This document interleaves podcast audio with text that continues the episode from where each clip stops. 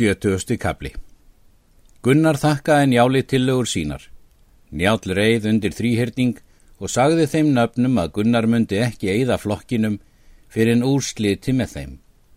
Þeir buðu bóð fyrir sig og voru óttafullir og báðu njál fara með sáttarbóðum. Njál hvaðst með því einu faramundu er eigi fyldu svik. Þeir báðu hann vera í gerðinni og hvaðust að halda mundu er hann gerði. Njál hvaðst eigi gera mundu nefn á þingi og væru við hinnir bestu menn. Þeir játtu því. Gekk þá njál í meðal, svo að hvorir hansölu öðrum grið og sætt. Skildi njál gera um og nefna þá til er hann vildi. Littlu síðar fundu þeir nafnar Mörð Valgarsson. Mörður taldi á þá mjög er þeir höfðu lægið málundir njál þar sem hann var vinur Gunnars mikill, hvað þeim það illa duga mundu. Ríða menn nú til alþingis að vanda. Eru nú hvorir tveggju á þingi. Njál kvatti sér hljóðs og spyr alla höfðingja og hýna bestu menn, er þar voru komnir hvert mál þeim þætti Gunnar eiga á þeim nöfnum fyrir fjörráðinn. Þeir svöruðu að þeim þóttu slíkur maður mikinn rétt á sér eiga.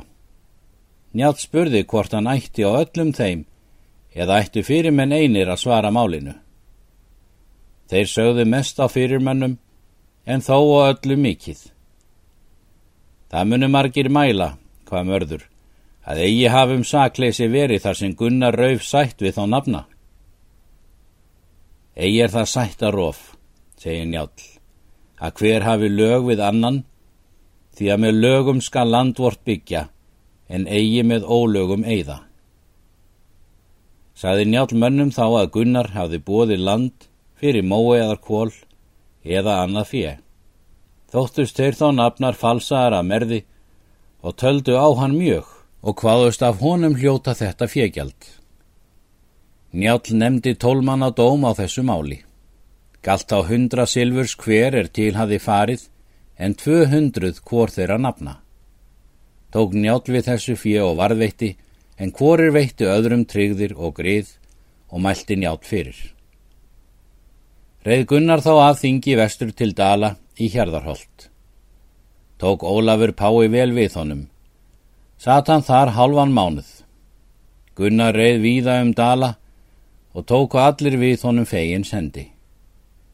En að skilnaði mælti Ólafur til Gunnars. Ég vil gefa þér þrjá gripi. Gullring og skikju er átt hefur mýrkjartan Írakonungur og hund er mér var gefin á Írlandi. Hann er mikill og eigi verri til fyldar en röskur maður. Það fylgir og að hann hefur manns vitt. Hann mun og gegjað hverju manni þeim er hann veit að óvinnur þinn er en aldrei að vinun þínum því að hann sér á hverju manni hvort til þín er vel eða ítla. Hann mun og líf á leggja að vera þér trúr. Þessi hundur heitir Sámur. Síðan mælti hann við hundin.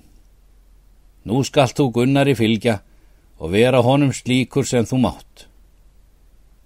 Hundurinn gekk þegar að Gunnari og lagðist nýður fyrir fætur honum. Ólafur bað Gunnar vera varan um sig og hvað hann marga eiga öfundarmenn. Þar er þú þykir nú ágættastur maður um allt land. Gunnar þakkaðu honum gjafar og heilræði og rýður heim síðan. Sittir Gunnar nú heima nokkur að hríð og er kyrt.